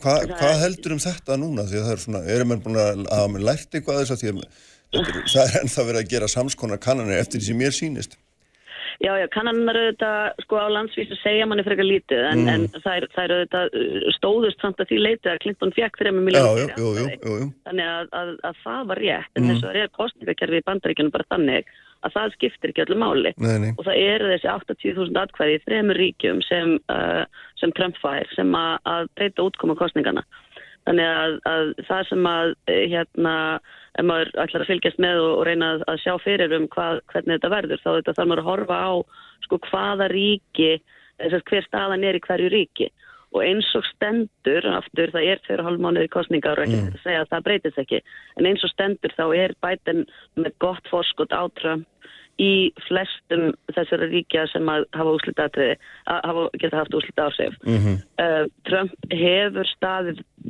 skást í Flórida og uh, allavega í síðustu viku þá voru mælingar sem síndan við fórskot þar og Trump sennilega getur ekki unnið án Flórida Mhm. þar segja, og, og sem að auðvitað hann flutti lögheimilisitt þangað og, og ef hann vinnur aftur þá var hann fyrsti fósiti bandaríkjana með, með lögheimil í Flórida til þess að, að taka hérna, embætti Mhm.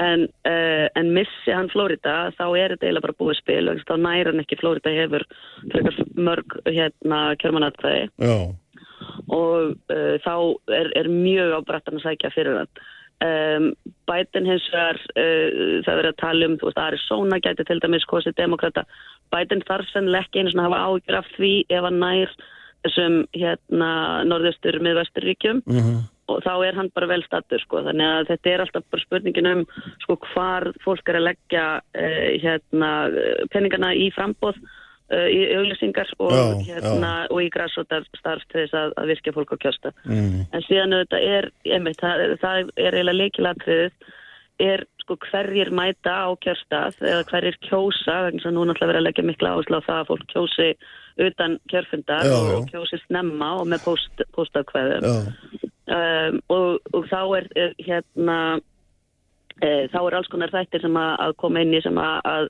geta leitt, ge- geta haft þau áhrif að, að sko að spáin e, mun ekki standa vegna þess að spáin er ekki um ætlarðu að kjósa heldur hvað myndir þú kjósa Mhm. og það sem að, að hérna, það sem er oft spurt um er, er líka sko hérna reynd að greina hvort þetta séu bara skráðir kjósendur eða hérna líklegir kjósendur Mhm. og uh, ef, uh, ef, ef fólk nýtir sér ekki réttin til að kjósa náttúrulega er, eru það frekar allavega með að við hérna, söguna þá eru það frekar kjósendur demokrata sem að mæta ekki og til dæmis með postkostningar að þá eru svartir kjósendur lang ólíklegastir til að nýta sér postkostningur og þeir eru, þeir eru ekki sérstaklega stór hópur, bara um 12-15% af þjóðin ef ég maður rétt en, uh, hérna, en ef þeir mæta kjösta þess að gerðu þegar Obama var í frambóði og ekki þegar Clinton uh, var í frambóði 2016 þá kjósa þeir bara svo yfirgnæfandi demokrata að þeir geta skipt úslit atrið já, já, já, getur ráðið veru. úrslutum, já, já. einmitt. En það er alltaf stór merk, já, fyrirgjöðu, Já, er, nei, þannig að þetta er bara það sem að, Já. að hérna, demokratanir vilja auka kjörsókn vegna þess að hóparnir sem að styðja þá eru ólíklegri til þess að kjósa almennt og republikanir vita að uh, þeirra, uh, hérna, þeirra líkur á því að sigra eins og Trump hefur bara sjálfur sagt eru minni ef að fleiri kjósa. já, já, og það er náttúrulega, hérna, og þetta kristallast náttúrulega í þessum sérkennlegu deilum með það hvort að ég að hérna, bæta postþjónustuna í aðdraðanda kostninga fyrst á Já. hvetja alla til þess að kjósa með posti, þetta er eiginlega algjörlega óskiljanlega deila en, en sko, fellum við kyrfilega samt sem áður í þessa í hérna, þessar andstæði fylkingar sem eru einhvern veginn ofan á í öllri umræða allavega. Já, þetta er mjög áhugaverð. Sko, bandarinska póstþjónustan er, hérna, minnir þetta að það hafi verið fyrsta alríkistofnunin sem var sett á fót. Mm. Um, er 244 ára gömul og, og er, er rekin sko ekki með neinu framlegir en verið frá ríkinu lengur. Ég held að sé um vel 50 ár frá því að póstþjónustan átti að fara að bera sig algjörlega bara á sölu frímerkja og uh, hún væri verið farin á hausin. Ég held að það hafi verið 15 miljarda uh, dollara lán sem að, eða lána lína sem að, að póstjúrastan fekk frá uh, frá allriks fjármálaráðanitinu fyrir 10-20 árum og þetta er bara það sem að heldur uh, þjónustan í gangandi The Joy sem að, að Trump setti í, í hérna embætti poststjóra bandaríkina núna nýlega, hann hérna hann er, sem sagt, hefur verið virkur í fjáröflun fyrir republikanaflokkin og konan hans er tilnæmt sem sendir bandaríkjana til Kanada, þannig að þetta er fólk sem er mjög nátengt bæði Trump og, og republikanaflokknum og það er svona kurri í, í demokratum um þetta. En demokrater er alveg líka sko hluti í því vandamáli sem að, að hérna, þeim vandar sem að pósturinn stendur framifyrir vegna þess að það hérna, stjórn póstins var, var óskipuð þegar Trump komin í ennbætti mm. Og það er vegna er svona langvarandi deilina í raun og veru um, um hvernig þetta er að, að virka mm. en DeJoy er sagt, uh, hann þvert ykkur fyrir það hann sé að, að reyna að vinna einhver pólitísk spellverki á, á, á stofnunni en hann hefur skorið niður uh, vegna þess að hann er með, hans áhersla er á fjármál stofnunarinnar og, og treyði eftir ennþá stærri lánalínu núna nýlega til, til uh, þjónstunar en hann er til dæmis bannað uh, útborgun á, á yfirvinnutímum og, og bannað auka ferðir til að koma posti á, á áfangastað á, uh, á áætluðum tíma. Þannig að, að það er uh, póstur að sapnast upp og, og það getur haft áhrif. Þetta eru hérna þetta er ofbúslega þú veist bandarækjumenn eiga allt öðruvísi samband við sína posttjónustöðun en öllanda sem ég þekki til. Hérna, uh, þetta er, er alveg ekki stofnum sem að fólk er einhverjum ber mikið tröst til hérna, og, og skiptir greiðlegu máli og sérstaklega núna í faraldrinum þar sem að, að fólk er að vesla með mér á netinu og er að fá lifin sín send heim með posti og náttúrulega alls konar lif sem að, að fólki verður að fá á, á réttum tíma bara til þess að, að halda helsu. Mm -hmm. Þannig að þetta er, þetta er mjög eldfimt málefni og, og bara hérna Já, ef, að, ef þetta er verður að pólitísku byttinni þá er, er, e, þá er alveg hætta e, á því að, að e, niðurstöðu kostningana skekkist vegna þess að atkvæði berist ekki tíma og síðan hitt sem að, að hérna, getur haft svona önnur áhrif að það er að ef það kjósa nær allir með póstatkvæði mm. þá er vegna þess að almennt eru eins og hérna við vitum að við fylgjumst með þessum kostningum við erum alveg ótrúlegt að,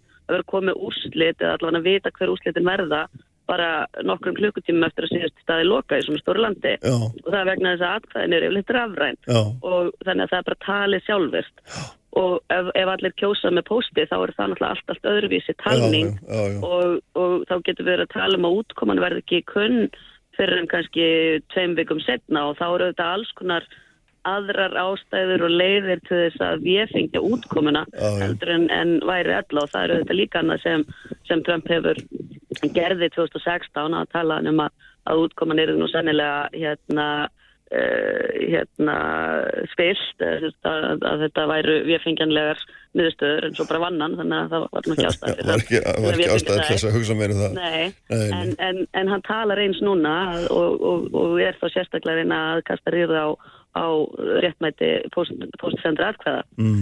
og svona fyrirfram sko. Já, já, hérna, Við þurfum að fara að slá botn en, en sko eitt sem er, veist ekki hægt að sleppa því að minnast á við því það er þetta Kamala Harris hérna Hvað, hvaða áhrif hefur hún og svona tengir það eins inn í þessa miklu hreyingu Black Lives Matter hérna, ef maður tekur þetta tvent saman hvað svona hverju myndi að breyta? Já, það er, það nefnilega svolítið sérstækt sko, hún er, er, er svörst og örund og, hérna, og, og, og talar um það, það er hennar sjálfsmynd að hún tilherir þessum hluta hérna, uh, þjóðurinnar og er lesin eins og hún segir sem slík en aftur á móti þá uh, er hún hérna, hennar starfsframi hefur verið í, í þáu þessa kerfis sem mm. að Black Lives Matter er að, er að mótmæla það er að segja harðar saksóknir á, á hendur sérstaklega svörtum og, og hún hefur auðvitað uh, hérna rekið uh, mál til dæmis sem að, að varða aftökur og, og, og döðrefsingar þannig að, að uh, hún, hún talar ekki beint inn í þessa reyfingu sko.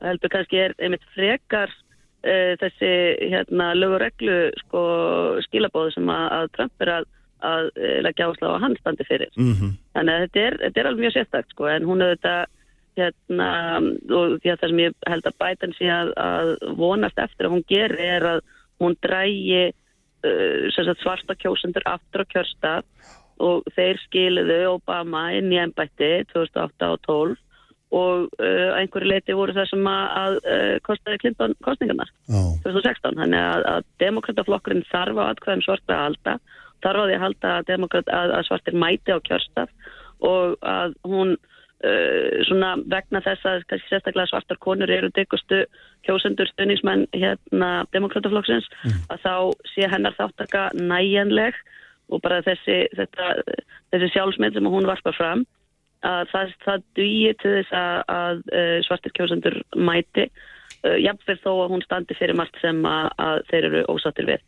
Mm. Hérna, ég heyri, það er hérna, uh, það er margt ennum að ræða, við ætlum að hérna, láta þessu loki allavega í bili og hérna, við höfum eftir að heyrast aftur alveg pott hérna á næstu hérna, og hálfum mánuðum með þetta, þetta verður spennand að sjá hvernig þetta, hvernig þetta þróast alls í Algjörlega. Ljómandi, takk ennilega fyrir. Já, takk, takk. Og hérna, ég ætla að halda áfram hér eftir augnablík og höldum áfram að þá að tala eins um þessa veiru en að frá allt öðrum sjónarhóla vennilega því þau verða hjá mér Henry Alexander Henrysson, heimsbyggingur og auður Jónsdóttir, rítuhundur. Kraftmikil umræða, a- alla sunnudasmórna, sprengisandur á bylgjunni. Sprengisandur, alla sunnudaga á bylgjunni. Sæli hlustendur, uh, höldum hér áfram, við erum svona á loka sprettinu, Silja Bára Ómarsdóttir fannin frá mér, vorum að ræða um stjórnmáli bandaríkjunum stöðun og þar en nú ætlum við að hérna, eða ég ætla að halda aðeins áfram að ræða koronaviruna frá aðeins öðru sjónarhóttni en venjulega því að hér eru Henry Alexander Henriksson heimsbyggingur og öðru Jónsdóttir Ritthöndur, venjulegast er ég alltaf að tala um einhverja hagfræðinga og stjórnmálamenn og einhverja fulltrú hagsmannarsamtaka, mér langaði aðeins að hérna, aðeins að horfa á þetta með aðeins öðrum glerugum með ykkur, sko, hérna Þannig að það er svona þetta yfir margar hliðar og, og svona auðvitað er þetta svona maður til að finna einhvern upphagspunkt þá, þá hef, var þróunin svo í vetur og vor að við vorum alls sammála og gerðum bara það sem fyrir okkur var lagt og allir voru glæður og kátir. En núna finnst maður svona, finnst maður þetta að vera eins að breyta sérstaklega þess að við sjáum þetta það sem við ekki sáum kannski áður þetta er alls ekki fara neitt og einhvern veginn farið að hafa djúbsta áhrif á fólk og, og svo er þetta bara svo hund helviti leiðinlegt svo að það sé nú bara sagt sko og hérna, Henri, þú varst að tala þér á þessum hérna, samráðsvettvangum daginn og þú varst að tala um það að það er meðal annars í fróðlu erindi að hérna, komst við að við að sko, það sem við all þráum er að komast í eðlilegt ástand Jú. og hérna, farða þér nokkrum orðum með það svona, hvernig þú sér stöðuna Já, já, við, við þráum að komast í eðlert ástand sem er, og ég talaði um það að eðlert ástand væri svona óaþrjáanlega gæði sem Mm. væri, er einhverju hagfræðingar sem vilja leggja svona verðmat á þau gæði, ég kann það ekki en ég held að öll, við öllum finnum það mjög stert hjá okkur, við viljum komast í einhvers konar eðlert ástand. Mm. og það er ekki alveg hægt. Og það er svona verkefni okkar allra held ég og það var það sem ég var að tala um að finna út sko hvernig ætlum við að balansera þetta? Að, að, sem sagt, að, að, að hversu mikið getum við takmarkað þetta eðlilega ástand? Mm. og við höfum farið í gegnum svona ákveðin þrepp þetta árið, eðlilega. Fyrst fórum við í gegnum það sem var svona ákveðin neyðar ástand þar sem við kannski tristum og sérfræðinga lengi vel til þess að leiðbeina okkur um rétt við bröð og við sættum okkur við ímsar aðgerðis Uh, það gekk vel, svo fórum við svona í ákveðið millibis ástand þar sem við bara svona hefðum okkur, við, Já, já. það var nokkuð Já. eðlilegt ástand, Já. sleftum einhverjum utalansferðum og svo leiðis en þetta var alveg bærilegt Já, og svo kemur þessi önnu bylgja og á sama tíma, og það er kannski þess vegna sem ég, svona, mér fannst áhugavert að fá tækifæri til að tala þarna á samráðsvettvanginum. Mm. á sama tíma og þessi önnu bylgja er að fara í gang og við erum svona að sjá fram á hertari aðgerðir, minnst okkur í tíðanbundið þá eru stjórnvöld og fleiri að tala um það að, og þessi, svona, þessi frasi sem við svona alltaf ábyrjandi í, sam- í, sam- núna þessa dagana að við ætlum að lifa með veirunni. Mm. og það var svona verkefni vetraðins fannst mér núna í svona í að við ætlum að finna leið til að lifa með, með veirunni og þá getum við kannski ekki farið nákvæmlega sama stað við vorum í neyðar ástandun í vor. Mhm. það er ekki, ég held að það gangi ekki upp að við hérna, setjum þrjár manneskili það að segja okkur hvernig við ætlum að lifa með veirunni. Og einn af svona út, útgangspunktunum mínum í, hérna, í erindinu mínu á, á 50 daginn var, ég tók það úr viðtali við Egil Helgarsson sem Mhm. hérna byrtist í fréttablaðinu helgina, í síðustu helgi. Þar sem hann talaði, hann var leiður á svona frasa. Já, að, að lifa með veirinu og ég skil hann alveg sko, ef þetta verður bara einhver dauðu frasi sem þýðir ekki neitt, við skiljum ekkert hvað þýðir, við erum öll með mismunandi leggjum mismunandi skilning í þennan frasa. Þannig ég held og það, ég fagnaði þessum samráðsvettangi að því við höfum tækifæri til þess næstu vikum svona, að, að svona finna sameigilegan flöta á því þannig að við sameigilega leggjum einhver skilning í þetta. Og það eins og ég segi, það er sameiglegt verkefni, við þurfum að komast einhvers svona sameigilegri niðurstöðu og til þess að við komast að þessi sameigilegri niðurstöðu þá þurfa ólíka rattir að koma fram og það verða að koma fram núna næstunni og ég er svona var að fagna því að við höfum fengið málefnarlega góða gaggrinni fram á öðundaförnu, þannig að almenningur og við öll erum til að fá betri hugmyndur um hvaða möguleikar í stuðinni, hvaða hagsmunir eru mm. mikilvægir og svo er bara okkar allra að leggja svona mat á það. Já, það er náttúrulega þannig auður að, að sko, og er alveg horrið þetta við, svona við, hérna, þessi með almennilega gaggrín, hún er alltaf fyrst að koma fram meila núna, hún var auðvitað bara náttúrulega engin og, og menn voru bara landir með hérna, svipaðir og sér að mótmæla þrýkinu hérna, framan af sko, og núna svona hérna, og það er líka áhugaverð sem henni er að nefna í þessu sami erendi sko, að, að líðræðislu umræð er ekki bara líðræðislu umræð inn í ríkistjón heldur verður hún að vera eitthvað með í víðari hvernig svona horfir þetta? Ég, já, einmitt Ég, ég, það þýrst eiginlega að hafa bara eitthvað langt málþing. Já, það er ekki bóðið núna. núna. En, en það er svo mikilvægt að heyra ólíka rattir og maður fann það á sjálfum sér þegar þetta skall á að maður svona vegraði sér við að skrifa skoðanapistir mm. þetta var allt svo skrítið og, og skall á einmitt þetta að svona það, fólk virtist mæta mótbyr eða var eitthvað tjá sig. Þetta var svolítið skrítið ástand. En þetta er þetta orð fordæma löst ástand sem þýðir að við þurfum fordæma lösar löstnir og við mm. þurfum sem sagt svona að, að ólíka rattir komi að borðinu og, og bara svona ég held að umræðu þættir séu mjög mikilvæg núna mm. bara við heyrum í sem flestum röttum þjóðfélagsins að því að, að hérna já það, það, þetta er svo skríti fyrir okkur og þegar veruleikin verður svona skrítin þá hérna það getur líka verið erfitt svona að mynda sér skoðun mm. þetta er svona og svo eru líka, það sem er í þessu er að atferðlu okkar þarf að breytast og bara það er svo flókið og mikið og ég var bara að hugsa svona eins og með þessa myndbyrtingu með þórtísu daginn mm, mm. í rauninni er þetta svo eðlilegt að gera mistök, við erum stöðugt að gera ah, mistök að því við þurfum að breyta atferðlu okkar og talandum hana bara orðin svo hérna, ásættanlega áhætta hvað, hvað það hefur missefna merkingu fyrir fólki, hvað fælst í þeim frasa að mm. það að tala svo mikið um það. Og, og það er svolítið svona í mann eftir þess að ég talaði um daginn, ég fór að í sko einhverjum leikusáttu í Berlin eftir fjármálarhrunu og, og það voru mörg leikrit og öll fjöldlu um þetta hvernig orðin mistu intaksitt við kervishrun mm -hmm. og það er svolítið núna, nú, þú veist, við þurfum að skoða orðin hugtökin upp á nýtt atferðli, það er svo margt sem er Já þurfum allt, alltaf getur við sætt því að þurfum að borga segt að því við erum ekki með grím eða höldum ekki tvekja metra fjarlag og við kunnum þetta ekki alveg. Nei, það er svo sannlega rétt. En við þurfum að tala. Já, já, já, nákvæmlega. Sko það sem er alltaf svona Þórulfur hérna sagði um daginn að, að Gunnarsson að Nú gæti hann ekki búið ábyrð á þessu saman lengur að stjórnmálumennir eru að taka við sem ég aðstönda merkilegt þegar ég var sjálfur ekki með búin að vera í tvo mánuði að reyna að fá þetta fram að því að auðvitað getum við ekki látið hérna, ekki lagta á einhvern lækni að stýra landinu þannig eins og raun og veru hefur verið gert. Og hérna og menn stjórnmálumenn hafa skilt sér mjög, mjög bakvið og satt bara við genum bara svo vísindumenni segja. En svo þegar þeir taka við núna þá, finnum maður strax að þá, þá rekkur þetta svolítið í svona skotgrafir og, og umræðan hættir að vera svona faglega hún fer í einhver, einhvern farveg sem er kannski ekki jafn uppbyggilegur sko. ef þetta ekki, hvað finnst ykkur um það? Uh, ég myndi nú ekki alveg panika við því, mér finnst þetta nú að fara ákveðlega á stað eins og ég nefndi, nefndi á þann Uh, eins og umræðan hefur verið að fara að staða núna ég, sko, stjórnmálmenn mig ekki ég, ég er aldrei sammálað sem frasa að, að, að stjórnmálmenn hefur verið að skýla sér baku mér finnst okay. þetta mjög eðlilegt hvernig þetta hefur verið mm -hmm. rekið núna hérna í Íslandsku samfélag og ég held að það bara greinstu vel mm -hmm.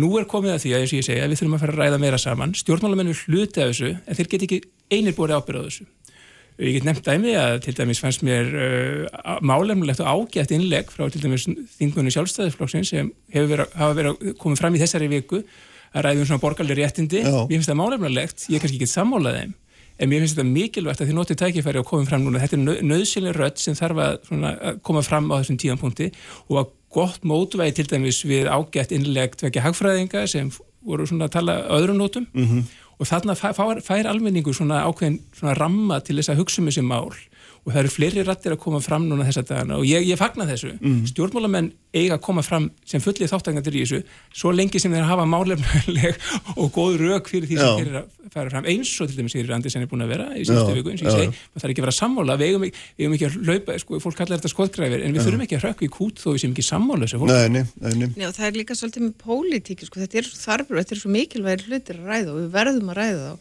og svo erum við vön okkar pólitísku skotgröfum og hvers, hversi hvar en við verðum ekki að rætta svolítið opið og, og öðruvís en áður og, Mhm. og hérna því að líka allir þessi hlutir sem snúa að líðræðinu, það er náttúrulega svolítið mikið yngripp sem felst í, í viðbröðum við þessari veiru Mhm. þannig að hérna já, þetta er allt bara stórskrítið En það liggur náttúrulega alveg fyrir að við þurfum að komast að samkómulæg hvernig við ætlum að lifa með Já, veiruna. já, já, já. og samkómulæg verður alltaf einhvers svona málamiðlun Mhm. þannig að ein- við munum finna einhverja leið á milli anstæðara sjónamiða, anstæðara hagsmunna og svo framvegis. Það sem er kannski verkefni framöndan og það sem ég kannski, ég vonast okkur takist en hefa ágjör á, því við texta ekkert alltaf hérna í íslensku samfélagi, Mm. að sko, að við sættum okkur við þá niðurstöðu sem, sem verður til og kannski sem skiptir meira máli að almenningur skilji hver niðurstöðan er Mm, já. af því að það er nú bara einhvern veginn þannig að við viljum það sem við skiljum og við viljum, við viljum ekki fylgja einhver ef við bara höfum ekki alveg nokkra hugmyndum um hvað Nei. nákvæmlega var ákveðið Nei, núna til dæmis bara nákvæmlega í framhald af þessu að sko, hérna, formaður samtaka ferðarþjónustunum sagði ekki að ákvæmlega ríkistjórnarinn sko, var ekki bara fórsöndurlösa heldur einkennstara upplýsingóriðu. en það er svolítið En Mm. það, það kom svolítið fram þegar Gilfi Sóvík að skrifa þessa Mm. grein og þetta fór allt í gang og hagfræðingarnir svona stígu fram að maður fekk á tilfinningunum að það vantaði átangilega einhverja greiningar Mm. þú veist, að það var svo mikið verið að bregðast við þegar þetta gerðist en það var svona tilfinningi sem maður fekk á viðbröðum stjórnmálumann og það er það sem að maður er svolítið að vona að, að sem flestir fá að koma úr samfélaginu Mm. með, með greiningar á, á hlutunum og, og svona þessi leitað kannski í hefðbundin hotn líka því það þarf á öllu þessu að halda og ef það er einhvern veginn verið þörfa að greina veruleikan þá er það já, það er svona aldrei sko, hérna, sem að vitni enn og aftur í þetta ágætt erindi hérna, en það er líka þetta spurningum sko, eh, hérna, hvernig við greinum á hvaða fórsöndum við greinum, hvaða aðferðafræði við beitum og við þurfum líka að vera sammála með hún sé, sé svo rétta. Já, algjörlega, en ég, já, ég held að við séum alveg hérna, á réttir leið með það. Ég er, einhver, svona, er pínu jákvæður sko, ég, þeim skilningi, ég er ekki alveg að fara á hjörunum strax Nei. af því að mér fannst það bara eðlilegu tímapunktur þegar við erum að fara á stað með þetta. Það, við, er, við, sko, við erum stöndum ákveðnum vegamótum. Ég hef pínu ágjör að því leiti að mér, og ég er ekkert einnum það að mér mér finnst svona skilabóð frá stjórnvöldu vera búin að vera, ég vil kannski óþar að tala um upplýsing og óreðu, Aha. en þau eru búin að vera svona og skýris kannski aðstæðum, það er búin að vera alltaf fló, flókið átt að sjá hvað þau er að segja Mhm. það er búið að tala um að skiminin hefði gengið vel á landamærunum, þetta hefði verið ákvörðu það sem átt að gera en samt er einhvern veginn fer maður á tilfinninguna að sé gripið í handbremsu þetta sé allt ómögulegt, við verðum að það er lokað á ferðamannaströym þegar það er svona tvær vikur eftir að góðum. Þeir sem átt að vera svona góður. Og hérna ströymur og ég held að fólk fáið svona tilfinningu hver eru skilabúðin já. og það er sagt við verðum ekkert veirufrýtt sam, samfélag en samt er talað um að þetta sé svo gríðarlega mikilvægt og verðum ætti að vera veirufrýtt samfélag Já, já, já. og svo er þetta svona og svo er talað um að við ætlum að við lifa með veirunni og þá er talað um að, að við þurfum að sætta okkur við ákveðnar hópsíkingar og svo framvegis og nákvæmlega hvað, hver eru skilabúðin Mm. ég skil ákveð sko ég skil ákveð þetta í flókið ákveðat núna en ég held að við höfum tækifæri til þess að skerpa þetta núna á næstu kannski tveimu vikum og átt okkur á byrju Mm. hvert eru við að stefna og hvað hva, hva, svona, hvað viljum við sjá núna svona á haustmánu það er líka bara þegar svona orðin eins og þessi fræst alltaf ferðamenn smiti ekki, þetta er náttúrulega meika þetta er eins og einhver fáránlega setning í leikriti því að við bara fólk smitar. Já, já, já. en þú veist þetta maður er að ymbirða einhverja svona alhafingar eða sem ég átti líka bara Þískaland er örugt land.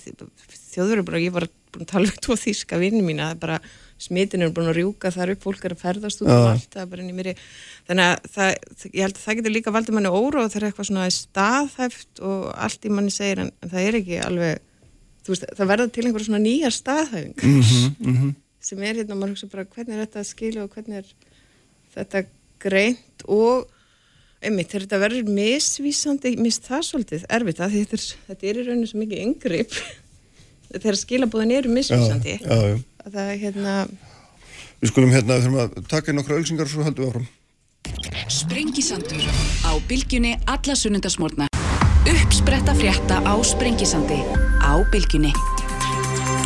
Sælir afturlustendur, við erum hérna að loka, loka sprettinum og sprengisendunum þennan dag þau eru hjá mér Henry Alexander Henriksson heimsbyggingur og öðru Jónsdóttir Rittöfundur við erum að tala auðvitað um þetta koronaviru samfélag og hvernig við svona lærim að lifa með veirunni sem að grípi nú í algengan frasa sem að svona fólki finnst nú miskáluður en, en hérna mér langar að, að sko halda áfram aðeins með ykkur og tala núna um hugtak í þessu sem er uh, nátjönd sem er tröst trúurlegi þannig að þarna, nú er, er það þannig að það er einhver sem að á að leiðbin okkur um einhver, einhver gullin meðalveg í einhverju, einhverju vandar þá verður maður að, hafa, að bera tröstina sem maður ætlar að fara eftir í og, og þá er náttúrulega mikilvægt að þeir sem að, að hérna, leiðbina mann þeir fari sjálfur eftir einn leiðbiningum og þetta er náttúrulega beint þetta er svona formála því að tala um þessa myndbyrtingu af ferðamálaráðurinn sem er í framvara sveitir sem skrifaði einhvern tíma numtið það og bara nýbúin að skrifa greinu það að við séum öll almannavarnir.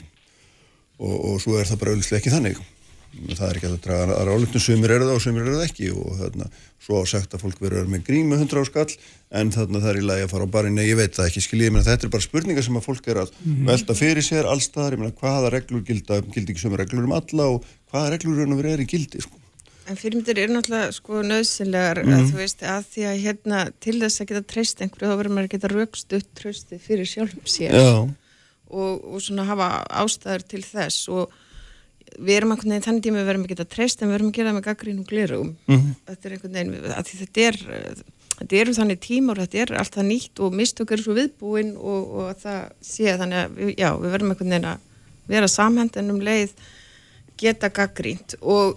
en sko eins og ég segi, mér finnst þetta frekar mannlegt þarna með þessa mynd sko, ég kannski ekki, ég hef, gert frekar einhverja aðtöðsendur við svörinunnar Já, já, sem eru bara hluti en, en sko ég er sjálf búin að gera óteljandi mistök. Ég, ég, En þú ert náttúrulega ekki þú ert ekki Nei, í fórstusveitin að skipa fólki að vera heimi á sér Nei, eða mæti ekki í brúköp og allt þetta sko. Að, hérna, að þess, og þess vegna er líka bara gott að þetta var gripað lofti til það eru ákveðin skilabóð þá í til fólks líka, það verða að þú veist, gera þetta alvöru mm -hmm. fyrst mm -hmm. hún er gaggrind svona fyrir að gera þetta ekki þá, mm -hmm. þá er þetta ekki mhm. Sko, ég minna tröst verður til við trúurileika eins og þú nefndir það er trúurileiki er mikilvægst í þátturinn í, eða tröst getur orðið til mm. uh, trúurileiki náttúrulega hann er svona helsta byrtingamind hans eða hvernig hann verður til, hvernig þú skapa trúurileika er skilningur á hlutverkiðinu og hvað, hvað er tilkvæmsir ætlast að þér? Og ég held að þetta sýnir bara nákvæmlega sem ég var að tala um á þann að við erum bara á einhvers svona vegamótum erum, mm. það eru sem sagt, er tímabili núna þar sem við erum bara, þessi skilningur er ekkert í staðar. Og það er ekkert við því að gera það er bara eðlilegt að koma bara í ljósi aðstæðina að þessi skilningur er ekki til. Og ég held að þessi, þessi myndbyrting og það að hún færi út með vinkonu sínum mm, mm -hmm. þetta, viljum við ekki hafa, ætlum við ekki að liða með veirunni er þetta ekki, ætlum við ekki að hafa einhvers konar eðlilegt líf hérna? Jó, helst af öllu en ég meina, hvað hvaða skilningi hefur leggið í þetta mm -hmm. og þegar við sjáum að jafnveg ráþæri ríkistjórn eru með svona átt að segja ekki alveg nákvæmlega á þessu eða átt að segja á þessu, er bara með sín skilning á þessu mm -hmm. en það er, það er alveg ljóst að það verður ekki tröst í samfélagi það sem hver er með sín skilning á eðli hlutverka tilkvæmsir ætlast afmann og svo framviðis. Mm -hmm. Trösti verður til þegar svona tiltölu að löpum í, í takt og skilju eru með samílega skilning. Og líka, líka bara skrifna viðbröð samfélagsins, við myndbyrjtingunni fjarlæg þannig að hérna, þetta er líka já, svona bara hvernig við sem samfélag högtum. Já, já, við viðbjörðum voru kannski í báðar áttir. Forveitnilegt, hvernig, hvernig sumir hafa það skilning, nei, við ætlum að hafa svona við ætlum að hittast og já. hafa gaman og við ætlum mm. að njóta lífsins áfram, við ætlum ekki að loka okkur mm. af henni og henni í einhverjum hólum eða heima hjá okkur en svo er líka hinn sem voru mjög bara reyðir og svo er hér er bara að vera að fara alveg á skjónu við allt það sem ég held að ætti að gera. Já, já, en það blanda samt svo skrið og hef áður hagað mér samkvæmt og jafnvel neitað mér um það að hérna, heimsækja aldraða móðu mína eða, eða fara í brúðköpi sem ég hafa bóðið í eða hvað sem er skilur já, þá kemur einn svona forrættin en sko, en þetta er samt svo skrítið þetta er í rauninu svona atferðlisbreytingar og svo er alltaf einhvern pólitík inn í þetta er er rauninni mjög förðulega sena allt mm, saman. mm, mm. þú veist bara ef maður tækir COVID burtur þessar á þegar það er staðið við hlina á vinkonu sín Já, ég veit að það er alveg horrið þetta er hérna þá væri þetta ekki mikil sverið það væri ekki mikil sverið þá nei, nei, nákvæmlega sko. En þetta er samt mikilvæg hluti að því að svona að því að ef að ef við ætlum að ná samkómulega um einhverja einhverja leið til að lifa með verinu og við ætlum að fallast á það þá verða þeir sem er í forsvari fyrir okkur líka að njóta tröst til þess að móta og samkvæmlega hérna, görsanlega nýjar fórsendur og þá er líka bara þú veist, já þetta er sem ekki enga ég bara tala við einhvern í, í Berlin og þar þú veist, er fólk farið að sapna saman í mótmælu og það blanda saman fólk sem er að mótmæla einhver út á COVID og svo eitthvað fólk, einhver reytingur og pegíta þannig að það er bara einhvern veginn að mótmála heimun Já, það breytum heim, þetta verður svona Já, ég held að það sé ekki spurning að að veiran hefur svona og þetta ástand hefur svona dreigið fram alla bresti í samfélaginu sko. já, og og, og sjó- stjórnskipan og, og bara svona samfélagsskipan Vesturlanda til dæmis og, og fólk, það er mjög svona eðlilegt að fólk með alls konar sem setur spurninga við ímislegt í tilveru sinni kemur fram núna sko.